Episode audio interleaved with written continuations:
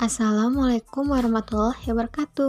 Halo teman-teman semua Perkenalkan, nama saya Dina Yanuari Saya dari kelompok 14 dengan NIM 1906067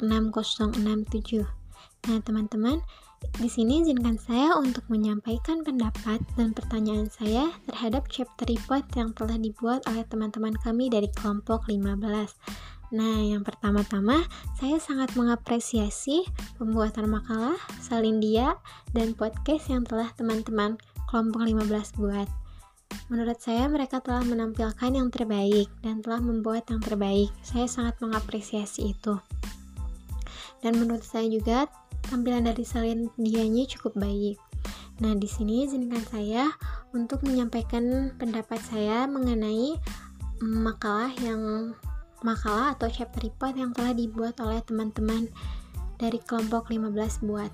Nah, yang pertama saya sangat setuju akan materi atau penjelasan materi yang dibahas terhadap chapter ini yaitu sebagaimana kita tahu bahwa dalam halnya belajar, seorang siswa dituntut untuk bekerja sama, terutama dalam mempelajari ilmu sosial. Nah, di sini kelompok 15 mengatakan belajar dari komunitas maupun belajar dengan komunitas memberi efek yang besar bagi siswa.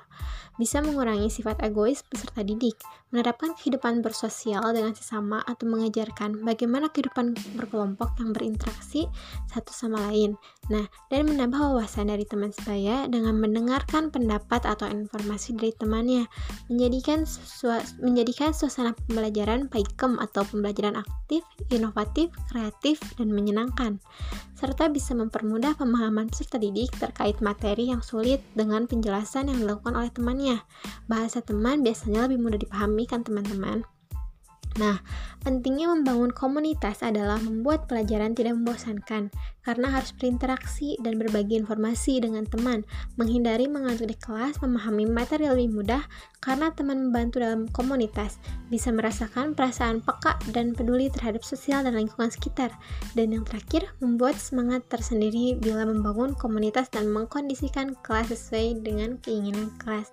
Nah, teman-teman, mungkin cukup sekian pendapat dari saya. Nah, lalu di sini izinkan saya untuk memberikan pertanyaan kepada teman-teman dari kelompok 15 terkait chapter report ini.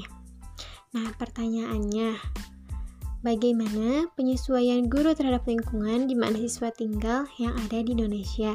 Nah, mungkin cukup sekian pendapat dan pertanyaan yang bisa saya beri untuk teman-teman dari kelompok 15. Kurang lebihnya saya mohon maaf atas kata-kata atau kalimat yang salah. Saya Dina Yanuari, pamit undur diri. Wassalamualaikum warahmatullahi wabarakatuh. Tetap semangat menjalankan ibadah puasanya teman-teman semua. Dadah.